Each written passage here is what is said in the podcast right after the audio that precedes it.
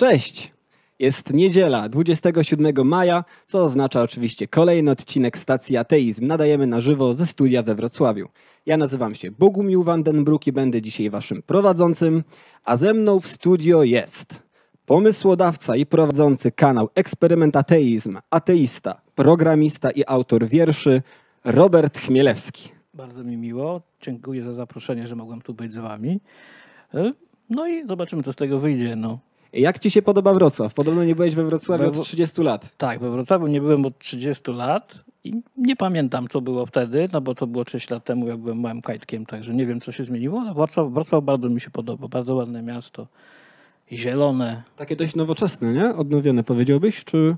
Nie, właśnie, Nie. Właśnie, właśnie to jest dobre, że nie ma tych dużo tych takich biurowców, tego szkła, nie ma tego tyle. To jest przyjemne. To jest taka odmiana fajna. Mhm. Czym się zajmujemy? O co nam chodzi? Promujemy pozytywny ateizm, rozdział Kościoła od państwa. Wspieramy zlęknionych i prześladowanych ateistów oraz, co najważniejsze, prowadzimy dialog na temat wiary. E, W skrócie, chcemy wiedzieć, w co wierzycie i dlaczego. Jeżeli macie ochotę, możecie do nas zadzwonić i nam o tym opowiedzieć. A także możecie do nas dzwonić z każdym innym tematem powiązanym. Jak do nas dzwonić? Otóż mamy postawiony call center, na którym mogą być maksymalnie trzy osoby, a żeby do niego zadzwonić, żeby do nas zadzwonić, e, musicie wykręcić numer 71 723 05 75. E, Kilka ogłoszeń wstępnym, wstępnych. E, Więc tak, przede wszystkim w imieniu Fundacji Panteon chciałbym zaprosić wszystkich na debatę pod tytułem Czy Jezus może być autorytetem? E, Debatować będzie Karol Fiałkowski, a jego przeciwnikiem będzie Edward Pawłowski, teolog i pastor zielonoświątkowy.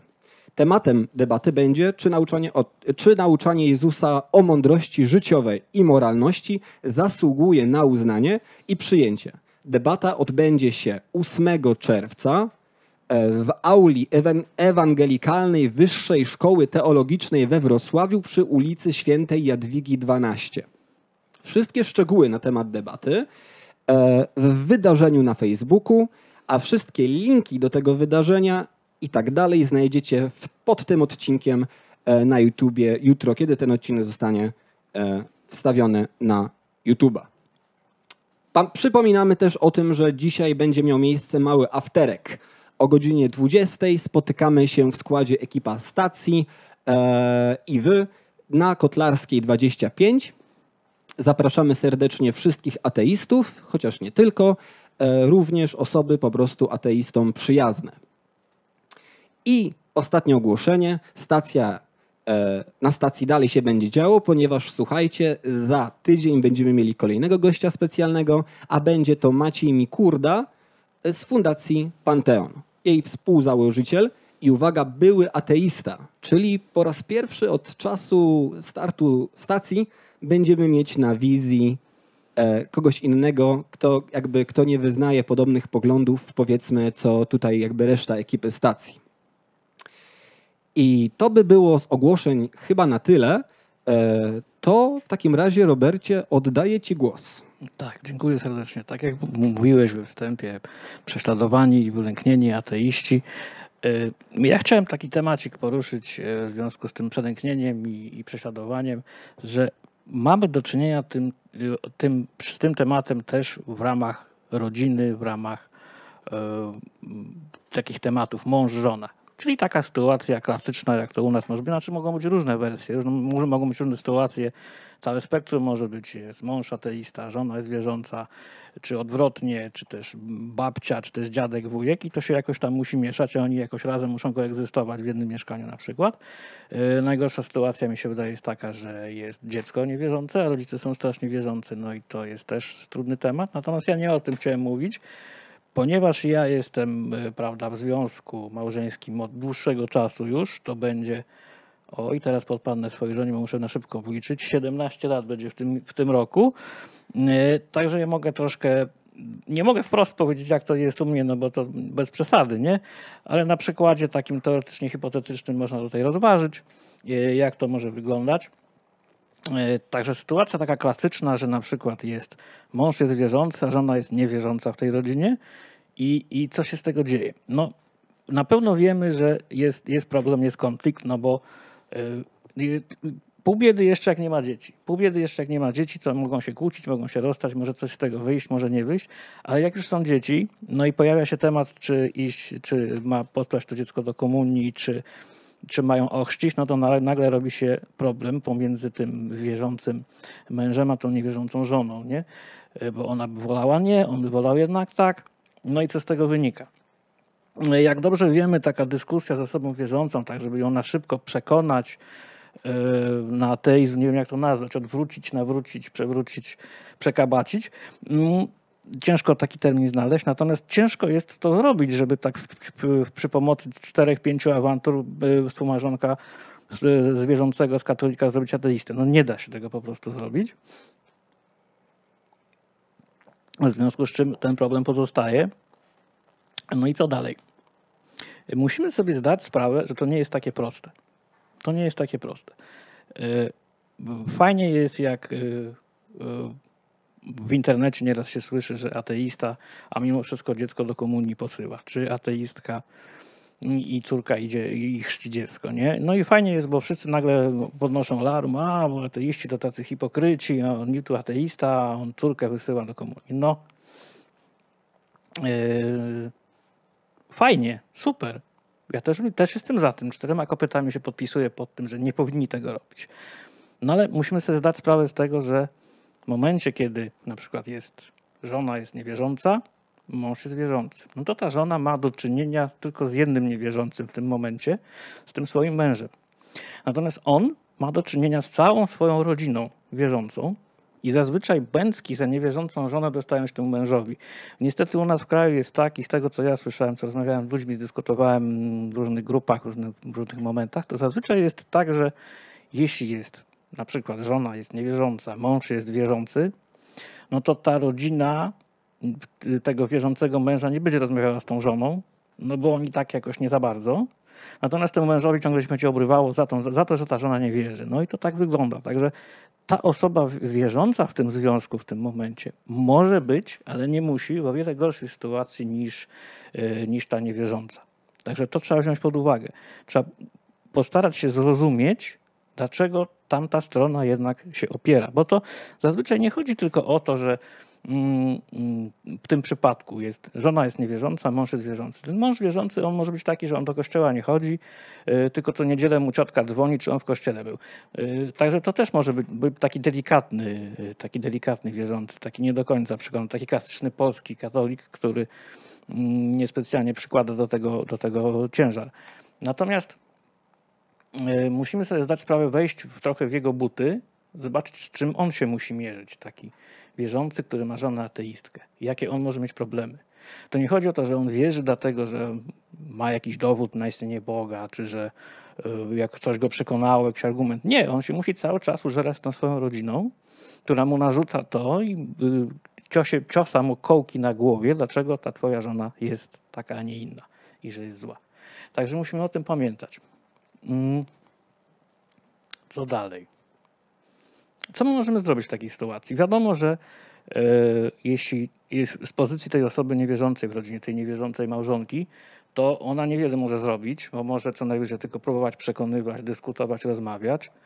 E, nie należy się kłócić. Co prawda, znaczy nie należy się kłócić w momencie, kiedy są dzieci. Nie, nie można być czegoś takiego, że rodzice się kłócą o religię przy dziecku. No, obojętnie o co się kłócą, nie powinno tego być przy dziecku. Natomiast generalnie w małżeństwie mąż i żona kłócić się powinni, ponieważ z praktyki wiem to, że te małżeństwa, które się nie kłóciły, to już nie są małżeństwami w większości przypadków. Także tak to wygląda. Także awantura dobra czasem, czasem jest pożyteczna. Natomiast musimy pamiętać o tym, że jeśli y, widzimy, że jest dziecko, że jest, są dzieci i my się chcemy rozmawiać o religii, kiedy dochodzi ten moment wrzenia, to trzeba skończyć. Dziecko nie może być świadkiem tego, nie może widzieć, że y, to, że jedna, jeden rodzic wierzy, drugi nie wierzy, to coś złego z tego wynika. Nie możemy dawać takiego przykładu. To jest pierwsza rzecz. Wiele, wiele przypadków będzie takich, że tego problemu się nie da rozwiązać. Pomimo tego, że byśmy chcieli, byśmy racjonalnie rozmawiali, że oj, słuchaj, no nie posyłaj tego, tej dziewczynki naszej, do, do, do tego syna naszego do tej komunii, bo to, to, to coś tam z tego może złego być. No i ciężko jest tą osobę przekonać w tym momencie. Jednak jest mąż wierzący, żona niewierząca, jednak to dziecko idzie do komunii, jednak jest chrzczone i tak dalej. No, pół biedy jeszcze, jak się nic złego później nie dzieje, jeśli chodzi, chodzi na, to, na tą religię, chodzi do tego, te różne zajęcia i tam nic złego z tego nie wynika, dopóki y, dziecko przychodzi z lekcji religii w przedszkolu i śpiewa y, hałwa na wysokości albo podnieść rękę, bo są śmiecie, no to, to tylko można się pośmiać. Jeżeli wiemy, że nic złego się jeszcze nie dzieje. Natomiast pamiętajmy o tym, że każdy przypadek trzeba analizować osobno i jeśli tam są jakieś straszne rzeczy się dzieją, no to trzeba zwrócić na to uwagę, przyjrzeć się dokładnie i odpytać, bo jeśli dziecko przyjdzie z religii i nagle będzie płakać, że mamusia nie wierzy w Boga, to pójdzie do piekła, no to już trzeba interweniować, już jest problem w tym momencie. To tak to wygląda niestety. Yy, Natomiast co my możemy tak naprawdę zrobić? Yy, Możemy być w tym związku, możemy być takim biernym przykładem tego, że ten człowiek niewierzący, nawet nie tyle niewierzący, wierzący w coś, coś innego niż, niż, niż wspomarzonek jest, jednak, jednak jest. Jednak ta rodzina trwa, jednak, jednak yy, przychodzi, jednak przytuli, jednak pomoże. Yy, o, o, zobaczcie, zobacz, yy, ten tata, jego to jest ateista, a nam serwer Minecrafta postawił. Zobacz, fajny gościu, żeby takie rozmowy się pojawiały. Nie, żeby to tak wyglądało. Mm, Czyli nie, nie musimy atakować, nie możemy robić awantury z tego, no bo jak wiadomo, jak będzie kłótnia z wierzącym, no to jest backfire efekt, to jest, jest i to się zamyka i wtedy nie można rozmawiać. Rozmowa się kończy, przynajmniej na jakiś czas. Co możemy jeszcze zrobić? Możemy robić to, co tutaj robimy, prawda? Żeby uniknąć tej presji, która jest z drugiej strony na tą osobę wierzącą. Żeby było tak, że yy, o, twoja żona nie wierzy, o, tak, a moja koleżanka z pracy też, wiesz, fajna dziewczyna. No i żeby to tak wyglądało, żeby tak można było to z dwóch stron tak naprawdę załatwić, czyli wewnątrz w tym związku, żeby nie robić konfliktów, żeby jednak rodzina była najpierw, żeby jednak dzieci były najpierw najważniejsze, a dopiero potem możemy sobie porozmawiać, kto ma rację na temat tego, czy Bóg istnieje, czy nie istnieje.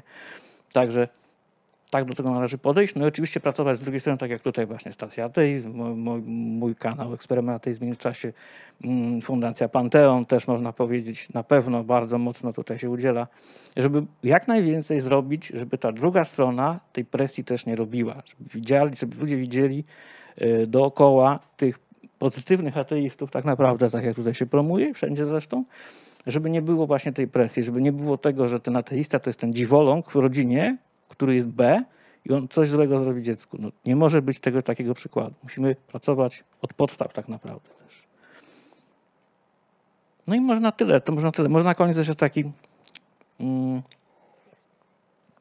ja mam taki prywatny małżeński zakład Pascala, mogę przytoczyć. Ostatnio mi się napatoczył. Moja małżonka też się z niego uśmiała. E, Co się bardziej opłaca? Nie wierzyć w miłość y, żony czy Boga? Hmm? Jak się nie wierzy w miłość któregokolwiek z bogów, no to nie wiadomo, co się stanie, czy to piekło istnieje, czy nie, ale jak się nie będzie wierzyło w miłość własnej żony, to będzie się miało piekło już tutaj na ziemi. Także takim akcentem tą wypowiedź bym zakończył. Mam nadzieję, że coś ciekawego z tego wyszło. Bardzo, bardzo ciekawy wątek. No ja osobiście jeszcze jakby nie miałem żadnych doświadczeń tego typu, aczkolwiek chyba wszyscy e, mieliśmy e, taką sytuację, że ktoś z naszej, że mieli, we- weszliśmy w jakiś dialog z e, jakąś osobą z naszej rodziny. W większości przypadków mamy w swoich rodzinach osoby wierzące i ja akurat w tej materii mam całkiem spore doświadczenie, bo od kiedy zacząłem e, być czynny w tych wszystkich moich ateistycznych, sceptycznych powiedzmy działalnościach, no to oczywiście temat y, prędzej niż później tak naprawdę wypłynął. E, I było różnie. I opowiem, i przy okazji może wam opowiem o tym, e, co przy okazji może opowiem o tym, co przeżyłem i jakie są moje doświadczenia, ale myślę, że weźmiemy sobie telefon e, na razie. E, Za chwileczkę będzie. Poprosimy, poprosimy na wizję. Póki tam jeszcze trwają prace. E, na przykład moja mama jest osobą wierzącą i, e, I pamiętam, w jaki sposób próbowałem z nią rozmawiać rok temu, w jaki sposób próbowałem z nią rozmawiać pół roku temu e, i w jaki sposób rozmawiam z nią teraz. Oczywiście moja mama nie jest taką wierzącą wierzącą, co mam na myśli. Ja to nazywam tak naprawdę coś w rodzaju w coś teizm, ponieważ zaraz wyjaśnię cały termin, ale nim to zrobię, poprosimy. Halo, halo. Halo, Cześć. witam, witam. Tutaj Bogumił i Robert. Halo, halo, cześć. Z czym dzwonisz? E, Ja dzwonię z Dobrza. Mhm. No, i już można przejść do treści. Tak, właściwej? oczywiście. Ależ prosimy. No, no, to ja bym chciał troszeczkę powiedzieć o takim twierdzeniu dotyczącego, dotyczącym przyczyny i skutku e, i o wyniku. Nie wiem, czy o tym już było mówione, może, bo nie śledzę kanału aż tak na bieżąco. No ale cóż, no to, no to y, po prostu przedstawię może to twierdzenie i, i się dowiemy w praniu, tak? Jasne, słuchamy. E, No, znaczy rozłożymy to sobie na, na trzy takie etapy, bo myślę, że najważniejsze, żebyśmy się zgodzili z każdym etapem po kolei, żeby to miało jakieś ręce i nogi. No to twierdzenie pierwsze jest takie, że y, każde zdarzenie jest skutkiem, który posiadał swoją przyczynę. Czyli na przykład Maciek uderzył kolegę, bo ten go uprzednio zdenerwował, prawda? Okay. logiczne, tak? E, No czy no od razu jakby włącza się mi pewna lampka sceptyczna, ale powiedzmy, że mm, pójdźmy dalej, potem nie, nie, wrócimy nie, do to- ka- każdego z To, nie, to na, na bieżąco. Myślę, że powinniśmy na bieżąco od razu. Tak jakby, Okej, no bo wydaje mi się, że to jest, naj, najprostsze twierdzenie. W sensie Okej. Wydaje mi się, że nie ma tu jakby zaprzeczyć. za okej. bardzo. skąd wiesz, że każde zdarzenie, o jakim możemy pomyśleć, e, ma swoją przyczynę i ma również swoje skutki? E, No, wynika to z tego, że tak jakby nie potrafię sobie wyobrazić e, przyczyny, która, e, czy skutku, które by te przyczyny nie miały. No zresztą to wynika chyba z definicji, że E, skutek ma przyczynę. Czyli problemem jest to, że ty nie potrafisz sobie czegoś wyobrazić, a zatem to coś jest niemożliwe.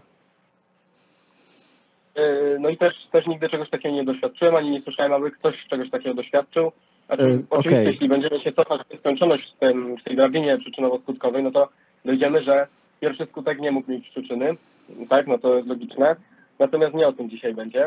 E, To znaczy, Ale- to znaczy nieskończony regres wcale nie musi być jakiś absurdalny logicznie. E, Po prostu to mogą być rzeczy, które się dzieją poza możliwością naszego poznania. E, I zdecydowanie, zdecydowanie nie posunąłbym się do aż tak odważnego wniosku, że każde zdarzenie ma swoją przyczynę i swój skutek. E, Tym bardziej e, nie uznaję argumentu, że całe nasze doświadczenie mówi nam, że tak to się dzieje. E, I tutaj dwa punkty. Po pierwsze, pamiętaj, że my je- żyjemy w świecie i jesteśmy przystosowani do życia w świecie obiektów średnich. Zupełnie nie jesteśmy przystosowani do tego, żeby żyć w świecie elementów na poziomie na przykład kwantowym. A o ile mi wiadomo, tam sprawy robią się o wiele bardziej skomplikowane. No tak, E, tak, tak, wiadomo. A po drugie, a po drugie argument, że mm, ja nie potrafię sobie wyobrazić czegoś takiego, w związku z tym e, jest to nielogiczne, czy, czy, czy, coś, czy, coś, czy coś w tym guście, e, jest też trochę argumentem czarnego łabędzia, mm, poniekąd oczywiście, nie do, ym, który mówi, że wszystkie łabędzie, które udało mi się zobaczyć w swoim życiu są białe, a zatem nie ma czarnych łabędzi.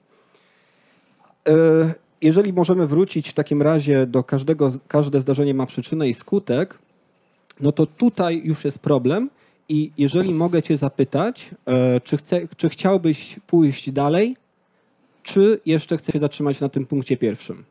E, Na sekundę jeszcze się zatrzymałem przy tym punkcie. Tak jakby umówmy się, że będziemy tylko rozmawiać w granicach naszego poznania, naszej ziemskiej logiki, naszego świata, e, bo no, tego to będzie dotyczyć, tego będzie dotyczyć też konkluzja.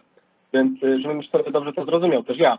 E, Czyli w naszym ziemskim świecie też nie ma absolutnie e, żadnej pewności, że każdy, każde zdarzenie miało swoją przyczynę. Mm, Ja myślę, że, naszego świata.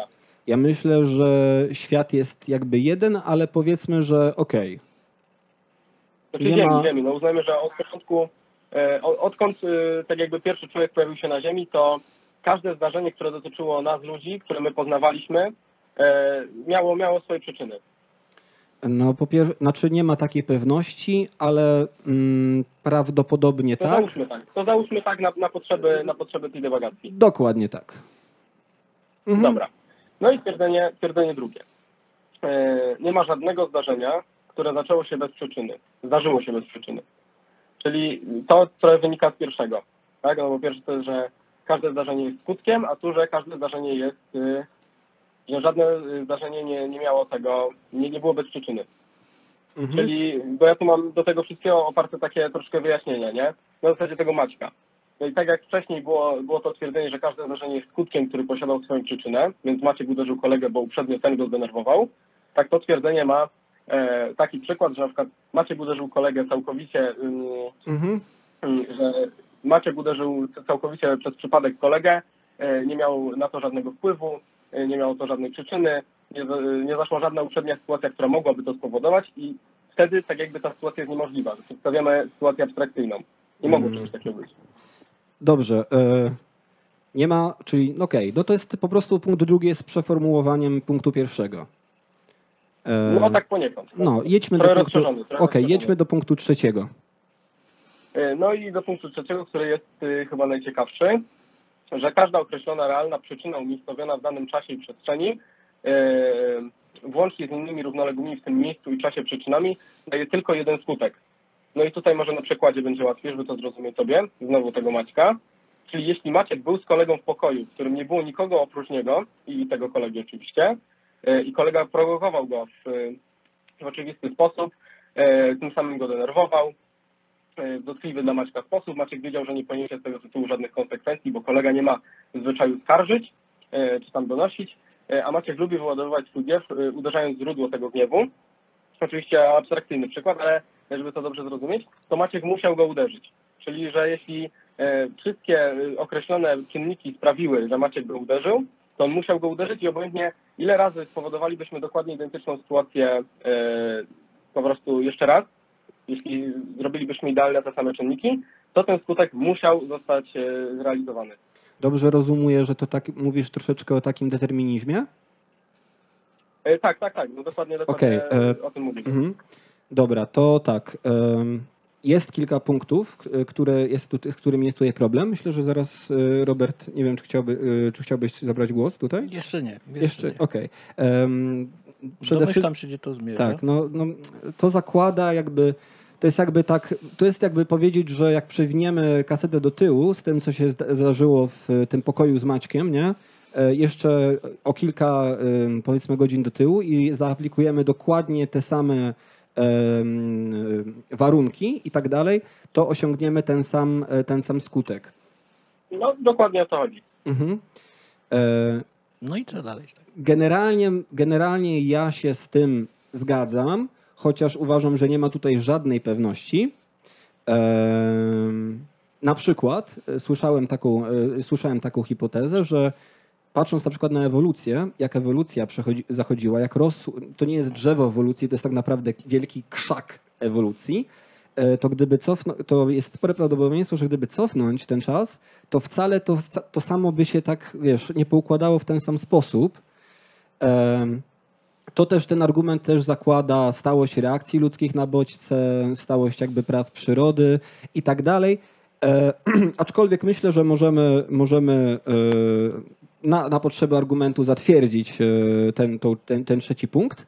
No i teraz e, jaka konkluzja z tego? E, No i tak, z czego to wynika? No, wynika z tego co najmniej kilka rzeczy. Pierwsza rzecz, że absolutnie w, nie istnieje coś takiego jak losowość, a to, co my nazywamy losowością, jest tylko i wyłącznie naszą niewiedzą. No bo taką najprostszą sytuacją, kiedy możemy powiedzieć, że coś jest losowe, no to jest na przykład e, totolotek, prawda?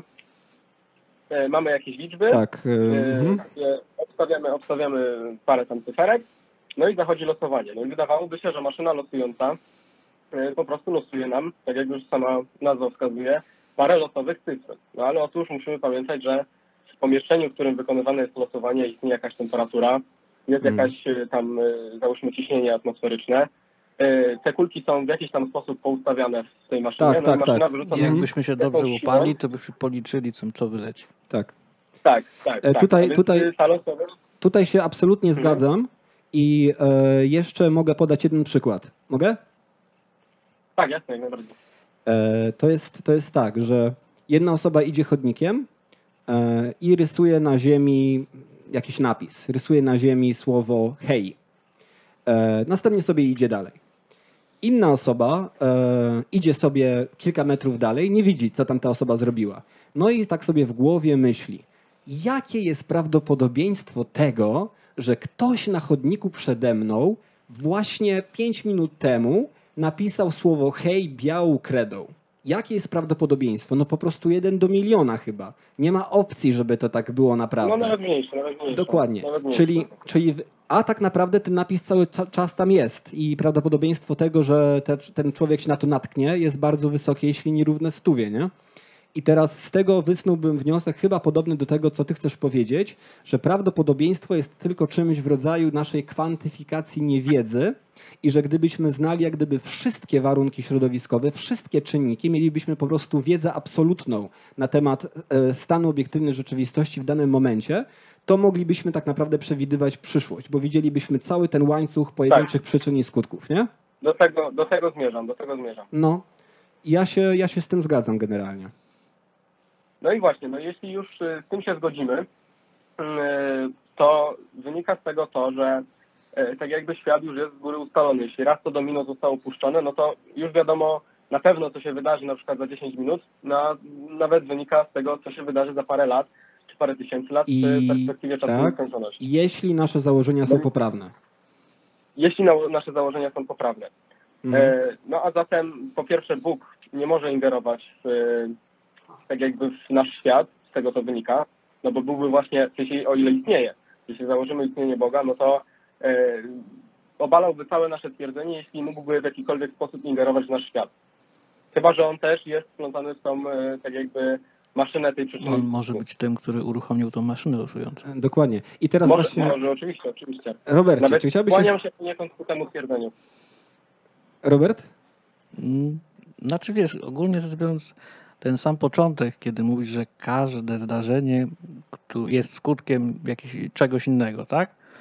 Y, To się zamyka tylko do takich rzeczy, które mamy, o taki długopis na przykład, taki kubek, ale jakbyśmy wzięli pod uwagę wszechświat, no to już się nie da tak zrobić, bo y, coś może mieć przyczynę tylko wtedy, jeśli istniał czas przed tym czymś, co się stało. Natomiast jeśli chodzi No o tak, wszechświat, no to on się zaczął, ale zaczął się też czas wtedy. Nie ma czasu przed, czyli nie ma przyczyny tak naprawdę. Dla mnie to w tym momencie nie ma nie można powiedzieć o czymś, co jest przyczyną zaistnienia wszechświata, ponieważ wtedy jeszcze nie było czasu, nie było, więc nie mogło być czasu przed. Także to jest, także jeśli już mówimy, że każde zdarzenie jest skutkiem czegoś innego, no to tylko w ramach tego, co już, jak już wszechświat Tak, istnieje. tak. No, chyba to sprecyzowałem też na początku, bo właśnie tego dotyka ta konkluzja. E, No i jeszcze jedna konkluzja z tego płynie. Mhm. E, No i e, otóż taka, że e, czy można kogokolwiek rozliczać moralnie z tytułu faktu, który się wydarzył, w sensie, że jeśli ktoś po Tak. prostu zrobił, Tak, tak. e, skoro tak jakby wszystko było ustalone, skoro jest tylko elementem i wszystko miało swoją przyczynę. Nie mogło być inaczej, nie mógł postąpić inaczej.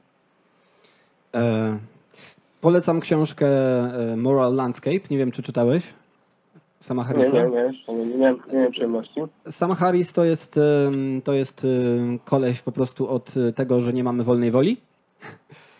No właśnie, właśnie to też chciałem powiedzieć, właśnie to jakby... że nie mamy wolnej woli. tak, podpierając to tym determinizmem i tym właśnie prawem jakby przyczyny i skutku, który ja uznaję, ale jakby bez żadnej pewności zdaję sobie sprawę, że świat fizyki kwantowej po prostu jak to wszystko w istocie działa, to może być zupełnie inaczej niż nam się wydaje, ale z tego co obserwujemy i z tego co pokazywało, pokazały na przykład badania e, przeprowadzone przez, e, nie pamiętam, ale były to badania, w których e, podpięto grupę badanych do specjalnego oprogramowania, kazano im podejmować proste decyzje, mieli chyba wybierać, czy patrzą na strzałkę w lewo, czy na strzałkę w prawo i podejmować decyzje i wtedy wybierać kierunek, no to naukowcy byli w stanie przewidzieć, którą ze strzałek badani wybiorą.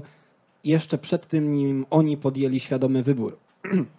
E, Coś jeszcze chciałem... Znaczy no, świadomy wybór. No, dokładnie. Także, także tak, z tego... A, że z tego... już na pod, oni podłączeni byli pod coś, że już w mózgu było widać, że zanim jeszcze podjęli wybór, to już było wiadomo, co zrobią. Tak jest, tak jest. Podpięci byli pod ten Tak chyba. I, I właśnie odnośnie tego, już powoli będziemy kończyć, ale jeszcze chciałbym powiedzieć, e, No jeszcze Że- szyb, szybką rzecz mam do powiedzenia jeszcze. dobra, to jeszcze tylko ja i potem ty i potem kończymy. Dobra, dobra. E, więc e, sam Harris podał taki bardzo ciekawy przykład. Był kiedyś, e, te, nie terrorysta, po prostu jakiś nie wiadomo, jak, jakiś facet, który zabił swoją rodzinę, y, z, zabunkrował się w jakiejś wieży zegarowej czy, coś, czy czego, czymś w tym rodzaju, w, tam w końcu go zastrzelili i on napisał list, w którym prosił o autopsję na nim i o sprawdzenie jego mózgu, ponieważ on się czuje totalnie przymuszony do tego, co, co, co, co zrobił. E, Nie ma innego wyjścia i oddaje swoje narządy nauce, żeby stwierdziła, co z nim było nie tak. No i kiedy otworzyli mu mózg e, już po śmierci, okazało się, że znajdował się tam olbrzymi guz, który uciskał takie ośrodki, które powodowały niekontrolowane, wzmożone napady agresji. I teraz teza Harrisa brzmi w ten sposób, że może być tak, że kiedy poznamy dokładnie anatomię mózgu i poznamy lepiej, jak działa mózg po prostu, to może się okazać, że każde nasze zdarzenia, każde nasze rzeczy, które robimy, każde rzeczy, które nam się dzieją w głowie, które de facto potem powodują nasze czyny, bo myśli, e, wiesz, e, powodują czyny i tak dalej, emocje, uczucia i tak dalej, e, to takie mikro rzeczy, jak takie mikro, te, jakby takie mikroguzy pojawiające się w określonych częściach mózgu w określonym czasie e, będą tak samo dobrze zrozumiane i dlaczego one spowodowały takie nasze zachowanie, taką naszą myśl, etc., jak zrozumiany był już teraz ten guz tego kolesia. Nie? I ostatnia myśl. Przestępców i tak będziemy zamykać, i tak będziemy izolować od społeczeństwa, ale moim zdaniem coraz więcej osób, coraz więcej ludzi zdaje sobie sprawę, że to nie jest kwestia kary, tylko to jest kwestia bezpieczeństwa reszty społeczeństwa.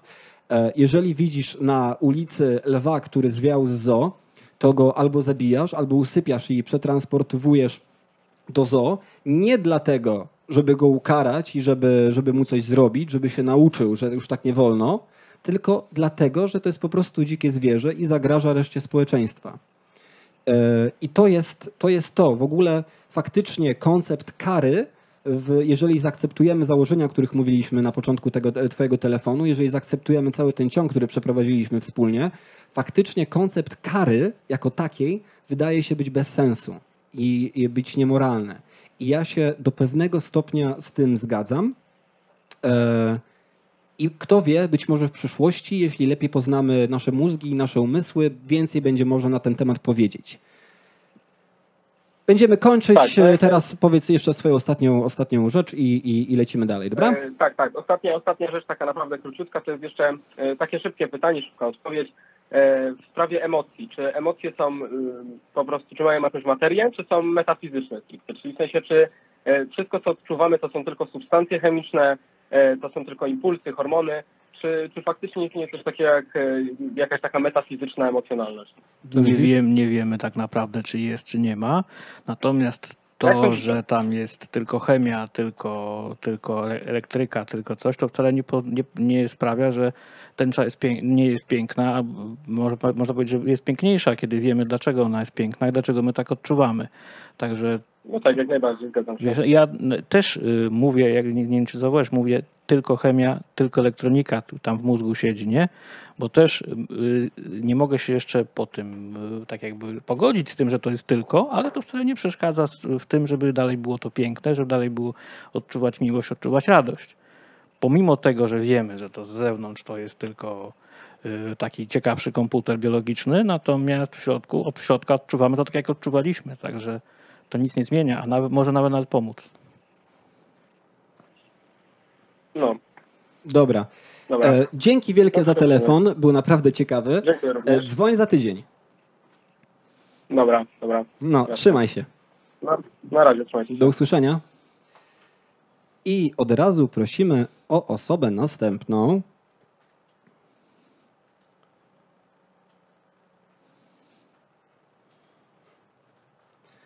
Co myślisz ogólnie o tym wszystkim?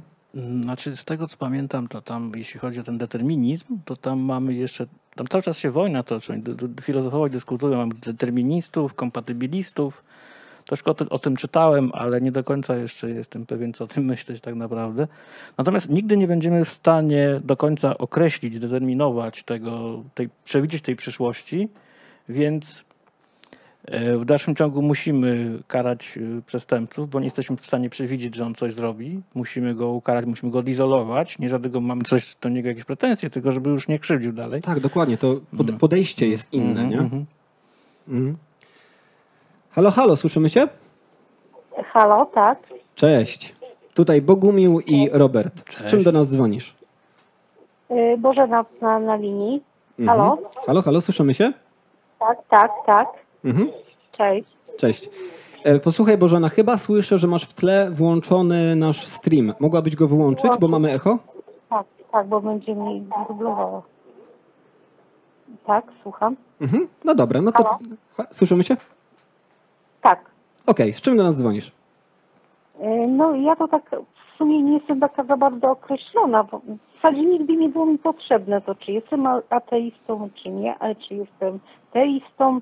W każdym bądź razie y, na przykład bardzo wcześnie jako dziecko tam chodząc do kościoła, tam słuchałam uważnie, co ten ksiądz mówi i stwierdzałam, że to coś mi nie pasuje, że to jest nie tak.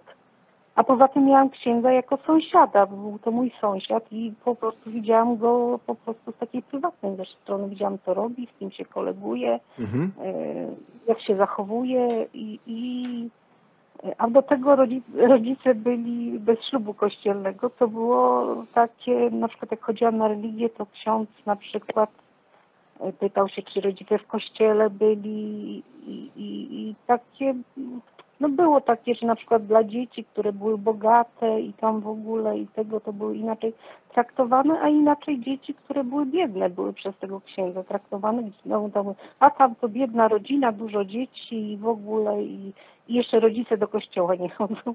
Mhm. I bardzo szybko y, sama z, wzięłam, stwierdziłam, że ja nie chcę chodzić na tą religię, bo mi się tam nie podoba. I po prostu nie chodziłam. Czyli miałaś Okej. po prostu przykład, zły przykład ludzi wierzących, którzy robili po prostu ci krzywdę w pewnym sensie. No, coś takiego, coś takiego właśnie, że, że, że, że, że to było takie, bo to wieś, wszyscy do tego kościoła i, i, i- to takie, widziałam, że to, to wszystko jest takie na pokaz, że to y, 10, znaczy się 100 metrów do kościoła samochodem do tego kościoła podjeżdżał osoba na przykład, czy no takie, no widziałam, że to jest po prostu takie, nie to, że wierzę, że, że tego, tylko idę, bo, bo, bo, bo, bo pokażę swoje nowe stroje, samochody i takie różne rzeczy. Nie? I tak, y, a w życiu na przykład jak obserwowałam tych ludzi, jak postępują, jak się zachowują, no to, to nie zawsze to były jakieś Mhm. wzory do naśladowania. Mm, Słuchaj, czy masz jakieś konkretne pytanie do nas? Mm, No właśnie, w sumie no nie wiem, czy, czy, czy, czy powinnam się określać jako teista, ateista, No, czy raczej... absolutnie, absolutnie nie musisz tego robić. Czyli można po prostu bez, bez, bez tych etykietek, tak? Oczywiście, że tak. Nawet jeśli są statystyki, tak jak na przykład w Stanach mają statystyki prowadzą, czy są ludzie wierzący, niewierzący, to tam jest taka rubryczka, że nie dotyczy, bo taka osoba nie, nie interesuje jej to. Mój tata był taki. On na przykład y, miał w nosie, czy jest kościół, czy nie, on wolał na działkę iść. Nie? Jak przychodził ksiądz po kolędzie, pytał się, czy, ja, czy pan do kościoła chodzi. Nie, ja, ja tam z tyłu stoję za, za filarem, mnie nie widać. Nie? Także taka osoba, ja- której... Tak, już proszę. E, Bo chciałam po prostu coś takiego powiedzieć, że zaczęłam słuchać właśnie tu tych programów e, a stacja Ateist i bardzo mi się spodobały te programy, bo tak zauważyłam, że po prostu uczestnicy, którzy prowadzą ten program, e, po prostu myślą nad tym, co się dzieje, jak, jak to wszystko wygląda, zastanawiają się i, i po prostu takie pozytywne po prostu wrażenie odniosło to na No to mnie. bardzo się cieszymy z tego powodu. Dziękujemy. E, To ja myślę, ja myślę, Bożena, że ja powiem jeszcze taką jedną rzecz. Mm, Widzisz, ateizm jest społecznie rozumiany jako etykietka, wiesz? E, Ludzie Mhm. słyszą ateista i od razu myślą. Lewica na przykład. E, nie, wiesz, mnóstwo mają takich doświadczeń i dlatego faktycznie słowo ateista i ten termin ma pewne konotacje i bardzo dużo ludzi po prostu dla świętego spokoju nie chce o tym, nie chce po prostu używać tego, tego, tego terminu jakkolwiek, nie? Mhm. Natomiast jak sobie pomyślisz, że ateista to jest po prostu osoba, która nie wierzy w Boga, no to pomyśl sobie, ja na przykład nie wierzę w kosmitów, którzy żyją na Księżycu. Załóżmy, nie? Głupi przykład. I teraz, czy ja mam się nazywać specjalnie i przedstawiać się ludziom jako A wierzący w kosmitów na Księżycu? Tylko dlatego, że nie wierzę w kosmitów? Dla mnie to, nie jest potrzebne. No dokładnie. Dokładnie. Mm. Dlatego, dlatego jakby mm, zupełnie nie trzeba się tutaj gdzieś określać, aczkolwiek no, jeżeli gdzieś nie jesteś jakoś przekonana o istnieniu Boga, Mhm. to prawdopodobnie gdzieś nie, jednak w niego nie wierzysz, albo się nad tym nie zastanawiasz, albo... a- No a- na pewno, na przykład ja mogę powiedzieć o sobie, że, bo, że na przykład gdzieś tam, na przykład mm, raczej jestem na, na tak jakby po prostu jest optymista i pesymista. Nie, jestem za tym, że, że chyba jednak coś tam jest, prawda, ale to wy, wyobrażam to sobie po swojemu, nie, y, w ogóle odrzucam całkowicie religię, Aha. każdą religię, Aha. bo religia mi, mi to akurat nie odpowiada. Mhm. Ale na przykład mogę sobie na przykład wyobrazić, że jest jakaś siła, która, no e, nie wiem, jakaś muzyka, która po prostu w, w, wprowadza w ruch całą materię, która w jakiś sposób tańczy i się układa o coś takiego. Można. To Ładnie takie powiedziane. Wyobrażenie, tylko moje takie wyobrażenie, nie? Ale Mm. no też na przykład no, może, może rzeczywiście to tak, nie wiem, no po prostu nie wiem. No, Dobra. Tyle, no. Dziękujemy Ci bardzo w każdym razie. Gdybyś miała jeszcze jakieś przemyślenie na ten temat, albo gdy, jeżeli nas słuchasz i, i, i, i masz ochotę zadzwonić... Trochę zwiąże mnie, bo na przykład ja mówię, że mój mąż jest całkowicie, jest ateistą, bo twierdzi, że on jest ateista Mhm. i taki w ogóle tak żadnego. Mnie na przykład denerwowało, bo ja czasami mówiłam do męża, że wierzę, prawda? Że Mhm. w coś tam wierzę, nie? To on po prostu traktował mnie tak, jakbym ja wierzyła w tego Boga e, religijnego, tego e, z Biblii. I po prostu atakował mnie wówczas, jak ja... Postaram się zawsze tam. dokładnie wytłumaczyć, o co tobie chodzi, żeby nie było nieporozumienia, No, ja żebyście mu oboje... Ja mu mówiłam, mówi, a to jest bzdura, mówi, jak Mhm. ktoś wierzy, to, to, to już jest, Mhm. to, to, to, to, to wierzy w bzdury, nie? Mhm. No dobrze, Bożenka. zasadzie. Dziękujemy Ci bardzo za telefon. E, będziemy już kończyć. Jeżeli masz ochotę, to zadzwoń do nas za tydzień. Nie przestawaj myśleć na te Dobrze, tematy. Dobrze, No, trzymaj tak, się. dobrze. E, Dziękuję, Do widzenia. Weźmiemy jeszcze jedną osobę. Będzie to Piotr z Chicago. Chicago? Chicago. Chicago. Yy, czekamy. Halo, halo. Czekamy na połączenie. Ciekawe telefony dzisiaj, bardzo, bardzo interesujące. No, Ale widzisz, Bożena mniej więcej nawiązała do tego, co ja mówiłem na początku, że Mhm. jest, może być różne spektrum. Jest mąż, mąż, który jest ateista i żona, która wierzy, ale do, do, do końca nie wie w co jeszcze. Mhm. I jest, konflikt polega na tym, że oni tak naprawdę nie, roz, nie mówią o tym samym. Ona mu nie do końca, nie, nie miała widocznie okazji wytłumaczyć mu, w co ona tak naprawdę wierzy Mhm. i on atakował coś, w co ona nie wierzy i ona się denerwowała też, no i Tak. nie dogadali się. Chyba bardzo podobnie z moją mamą Mm. swoją drogą. Mm. Poprosimy Piotra. O, cześć. Cześć, witaj ponownie. A, e, wiem, że ja mam trzy tematy. A, Dobra, ale wiesz co Piotr, od razu ci powiem. Dzisiaj mamy mało czasu. E, To mam, dwa szybciutko. Dwa Chcemy- szybciutko. No chce- dobra, to, to, trzy- chcemy skończyć, chcemy skończyć o godzinie szybko. siódmej, więc dajesz. dobra, po, potem idziecie na piwo, spoko. Na pizzę A, idziemy. no to więc... O, o, dobra, to odniosę się do tego determinizmu, który tam słuchacz e, dzwonił od, e, na początku. Mhm. że no, prawa fizyki, o ile są bardzo deterministyczne w tej fizyce klasycznej, to i to by wskazywało na to, że wszystko jest deterministyczne i wszystko można policzyć i, i puścić to domino i to domino zawsze tak samo upadnie, ale no niestety fizyka kwantowa pokazuje, że tak nie jest, że, że jednak fizyka e, ma w sobie dużo e, prawdopodobieństwa. I takiego prawdopodobieństwa, które nie, zali, nie zależy od niczego. Po prostu e, elektron jest albo w takiej pozycji, albo w takiej. Z praw- z prawdopodobieństwem 20%, w takiej pozycji, albo z, z prawdopodobieństwem 80% w takiej pozycji. Mhm. I, i, no i to całe burzy tą, tą teorię deterministyczną. Ale czekaj, bo ja właśnie, bo szczerze mówiąc, sam jestem bardzo ciekawy. Mm. Okej, jestem świadom tego, że na poziomie kwantowym to może, to może być problem, ale po pierwsze, jak sądzisz, skąd taka pewność, że na poziomie kwantowym faktycznie nie ma tego deterministycznego, e, deterministycznych związków No, przyczynowo-skutkowych? No, nie wiem.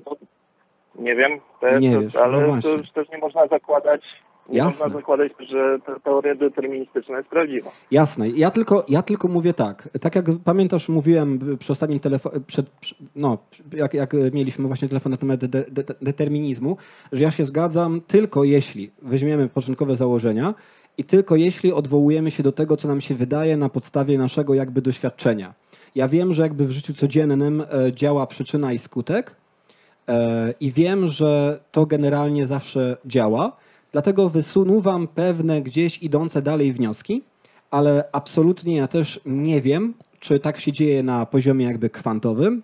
E, Nie wiem, jak jest tak naprawdę, więc to jest argument tylko z naszego doświadczenia tego, jak funkcjonujemy w tym, w tym świecie jakby obiektów średnich. Nawet jeśli tam na poziomie kwantowym są jakieś zdarzenia, które tak naprawdę nie są deterministyczne, to też nie wiemy, jaki one mają wpływ na to, czy Dokładnie. rzucę kubkiem się potłucze, nie? Nie wiemy tego tak na No Tak, się. nie znamy, nie znamy jakie są połączenia, nie? No zgadzam się, dlatego tylko chciałem powiedzieć, że, że nie możemy tak, y, no, że determinizm nie jest wcale tak, tak ugruntowany bardzo dobrze. Jasne.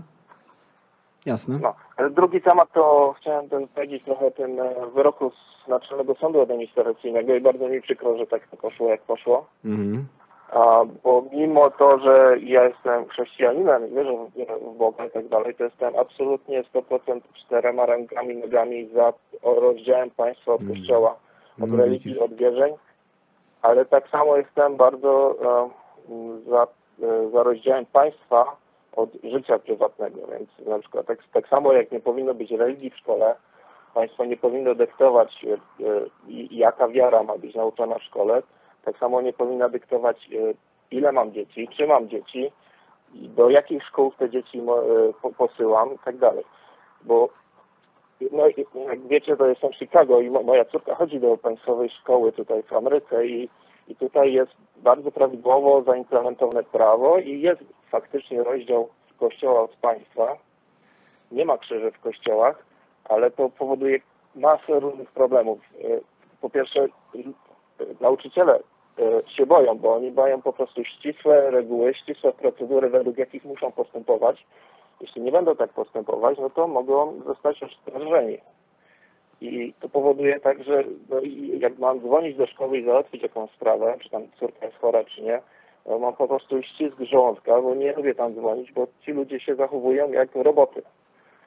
Po prostu Mhm. i, i, i oni ani w lewo, ani w prawo nie pójdą. Czyli jest to Dlatego ja przeciągnięte... wolał, żeby było, nie było państwowych szkół, tylko było prywatne i to bardziej działało na zasadzie wzajemnego zaufania. I wtedy nie byłoby takiego problemu, że albo są katolickie szkoły, albo w ogóle, albo ateistyczne szkoły. Każdy by puścił dziecko do takiej szkoły, Mhm. by chciał.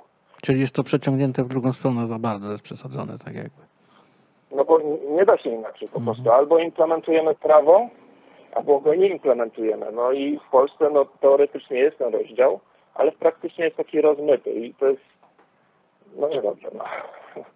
No, ja się bardzo cieszę E- przede wszystkim, że faktycznie jesteś osobą wierzącą, ale jakby mm, popierasz ten pomysł rozłączenia. To, to sporo znaczy dla mnie osobiście.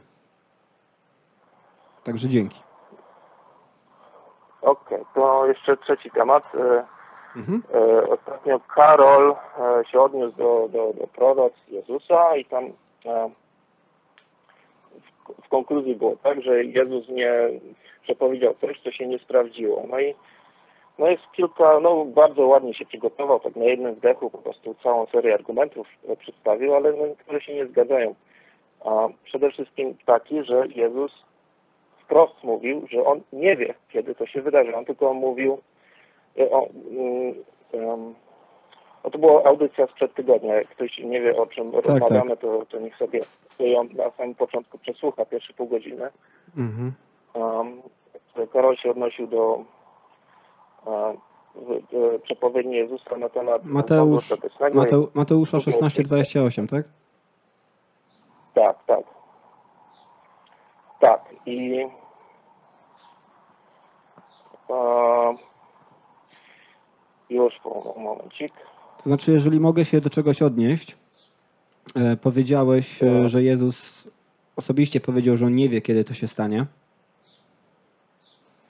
Y, Chodzi o to, czas, no, kurczę, no jak zwykle skupiłem na fragment. Y, Chodzi o to, że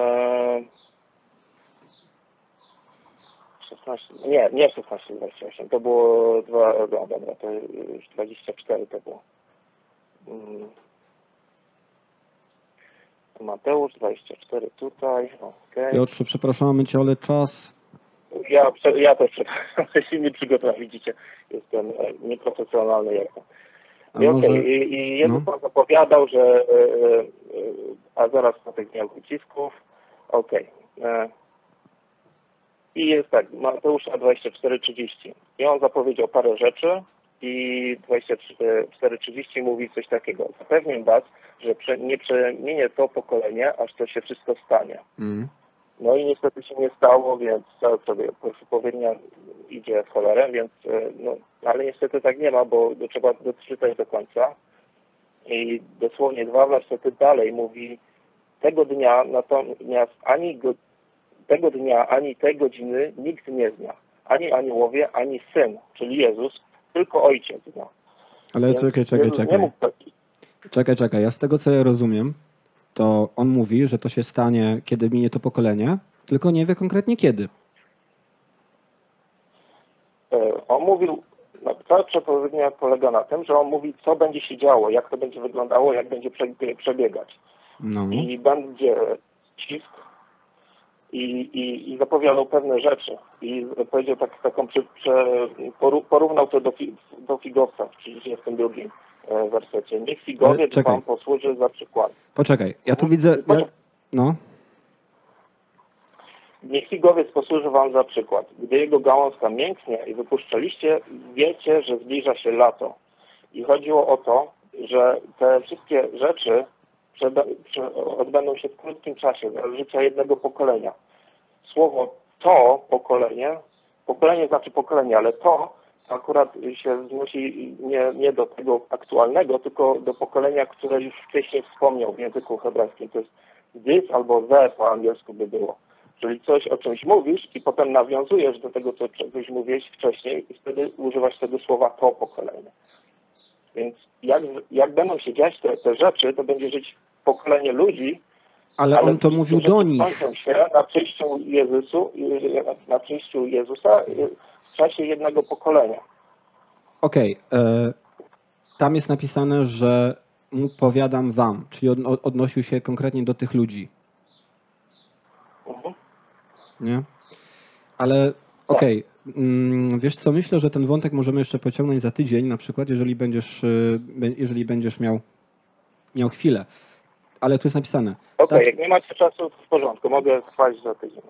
Wiesz, to jest, to jest tak, Próbuję. taki wy, gdy ujrzycie, że to się dzieje, wiedzcie, że blisko jest we drzwiach. Zaprawdę powiadam wam, nie przeminie to pokolenie, aż się wszystko stanie. E, Okej, wiesz co, odłożymy sobie to na przyszły raz. E, chyba, że Robert chciałbyś coś powiedzieć na Nie, ten temat. nie, nie, aż tak biegu nie jestem w Piśmie Świętym, żeby tu się udzielać. E, No bo jeszcze mam inną ciekawostkę, bo jak chcecie na przykład kogoś zagiąć chrześcijanina, takiego pierwszego lepszego, który nie zna Pisma Świętego, no Jezus na przykład zapowiadał, że on go zabiją i on zmartwychwstanie po trzech dniach i po, i po trzech nocach. mm, A więc jak go, a, a jest problem taki, że go zabili w piątek, od soboty do niedzieli, to jakby nie liczyć, są tylko dwa dni, dwie noce. No tak, to jest jakby kolejny, jest jakby kolejny problem. Ale tak, ale, ale ten problem nie jest taki duży problem, tylko trzeba po prostu troszeczkę znać e, lepiej Stary Testament i jest wszystko jasne i klarowne. Mm, Okej, dobrze. No w, w każdym razie wiesz, tam jeszcze było napisane na przykład, że zaprawdę powiadam wam, niektórzy z tych, co tu stoją, nie zaznają śmierci, aż ujrzą syna człowieczego przechodzącego w królestwie swoim, na Aha. przykład.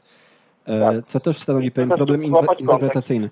Ale wiesz co, jeszcze tak kończymy dosłownie, ale mam, mam jedno pytanie.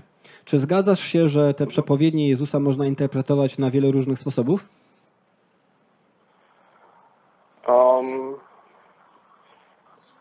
znaczy o, o, o rzeczach, które się będą dziać, czy, czy o czasie, który będzie się O wszystkim. O tym, co miał Jezus na myśli, czy mówił dosłownie, czy mówił o tym pokoleniu i tak dalej, i tak dalej. No i skoro mówił, że tej, tego dnia ani tej godziny nikt nie zna, ani aniołowie, ani syn, Okej, okej, ale ja pytam, ale ja pytam, nie, nie, ale pytam się ciebie, czy myślisz, nie znał, to znaczy, że jej nie mógł przepowiedzieć, w którym, jak w którym czasie się tak, czyli, czyli ta przepowiednia jest, ja, no, nieważne. To, to dla mnie jest jasne. Dobra, nieważne. Są, e, musimy kończyć, ale są różne, różne interpretacje tych wszystkich przepowiedni.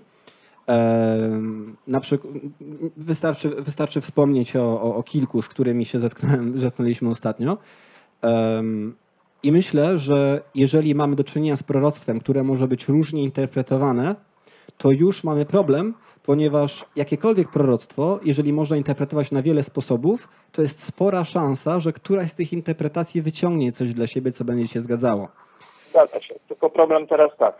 Na ile sposobów możemy to interpretować i jaka jest szansa, że te sposoby mogą się zdarzyć? I o tym pogadamy, proroctwo- i, i o tym Piotrze pogadamy No, sobie, tak. jak następnym razem zadzwonisz. jedno. Daj, mi jedno tylko słowo. Dobra. Jeśli proroctwo może na przykład być, jest jakaś konkretna data i jest y, czas tej- i ta data konkretna może być ustalona na cztery sposoby. Jeżeli w proroctwie nie wiemy, czy to będzie w roku 10, albo też pasuje rok 20, albo 21, ale są tylko trzy możliwości, a przestrzeń e, historii jest 2,5 tysiąca lat, no to jest całkiem dobre, to jest całkiem dobrze nieprawdopodobne, że akurat wpadnie w te trzy daty na przykład. Mm. Okej, Nawet Piotrze. jeśli możemy proroctwo na skończoną ilość e, sposobów interpretować. Dobra. Dziękujemy Ci bardzo. Rozłączamy się. Dzwoń następnym razem e, i trzymaj się. No okej. No Po- cześć. Powodzenia, cześć. Linie są zamknięte. Musimy kończyć i to musimy kończyć w tempie, ponieważ jest afterek. After będzie miał miejsce w Pizza Pizza na ulicy Kotlarskiej 25 na rynku i tylko z tego powodu, że spotkamy się tam z widzami e, nasze, naszego programu i tak dalej. Z tego powodu dzisiaj odcinek jest wyjątkowo krótszy, bo chcemy też, żeby Robert poznał całą ekipę.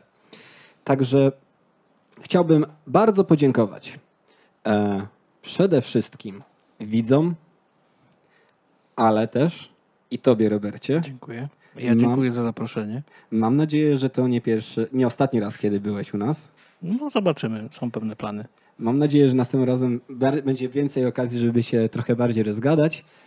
E, no dzisiaj tak wyszło e, z powodu afterka. Chcemy ko- skończyć trochę wcześniej. Wpadajcie na afterek. Będziemy tam w ekipie. Będzie Karol, będzie Leszek od nas, będę ja, będzie Robert, będzie masa bardzo fajnych ludzi. Zapraszamy wszystkich ateistów i osoby ateistom przyjazne.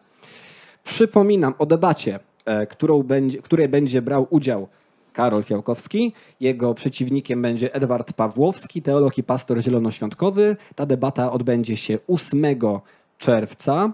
Tematem będzie, tym tytułem będzie, czy Jezus może być autorytetem, tematem, czy nauczanie Jezusa o mądrości życiowej i moralności zasługuje na uznanie i przyjęcie.